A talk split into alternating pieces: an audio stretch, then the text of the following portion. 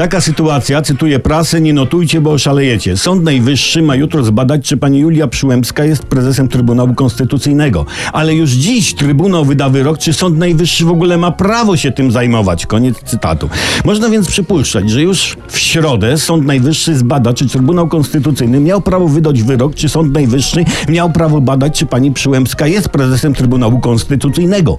W czwartek zatem można się spodziewać, że Trybunał Konstytucyjny zgłębi sprawę, czy Sąd Najwyższy miał prawo badać, czy Trybunał Konstytucyjny miał prawo wydać wyrok, czy Sąd Najwyższy miał prawo badać, czy pani Julia Przyłębska jest prezesem Trybunału Konstytucyjnego. Mówiłem, żeby nie notować, bo się pogubicie. Oczywistym jest, że już w piątek członkowie Sądu Najwyższego zaczną wplatać sobie we włosy sitowie. W odpowiedzi w sobotę sędziowie Trybunału Konstytucyjnego będą wnosić węgiel do salonów przypadkowo wybranych osób, których PSL kończy się na literkę D.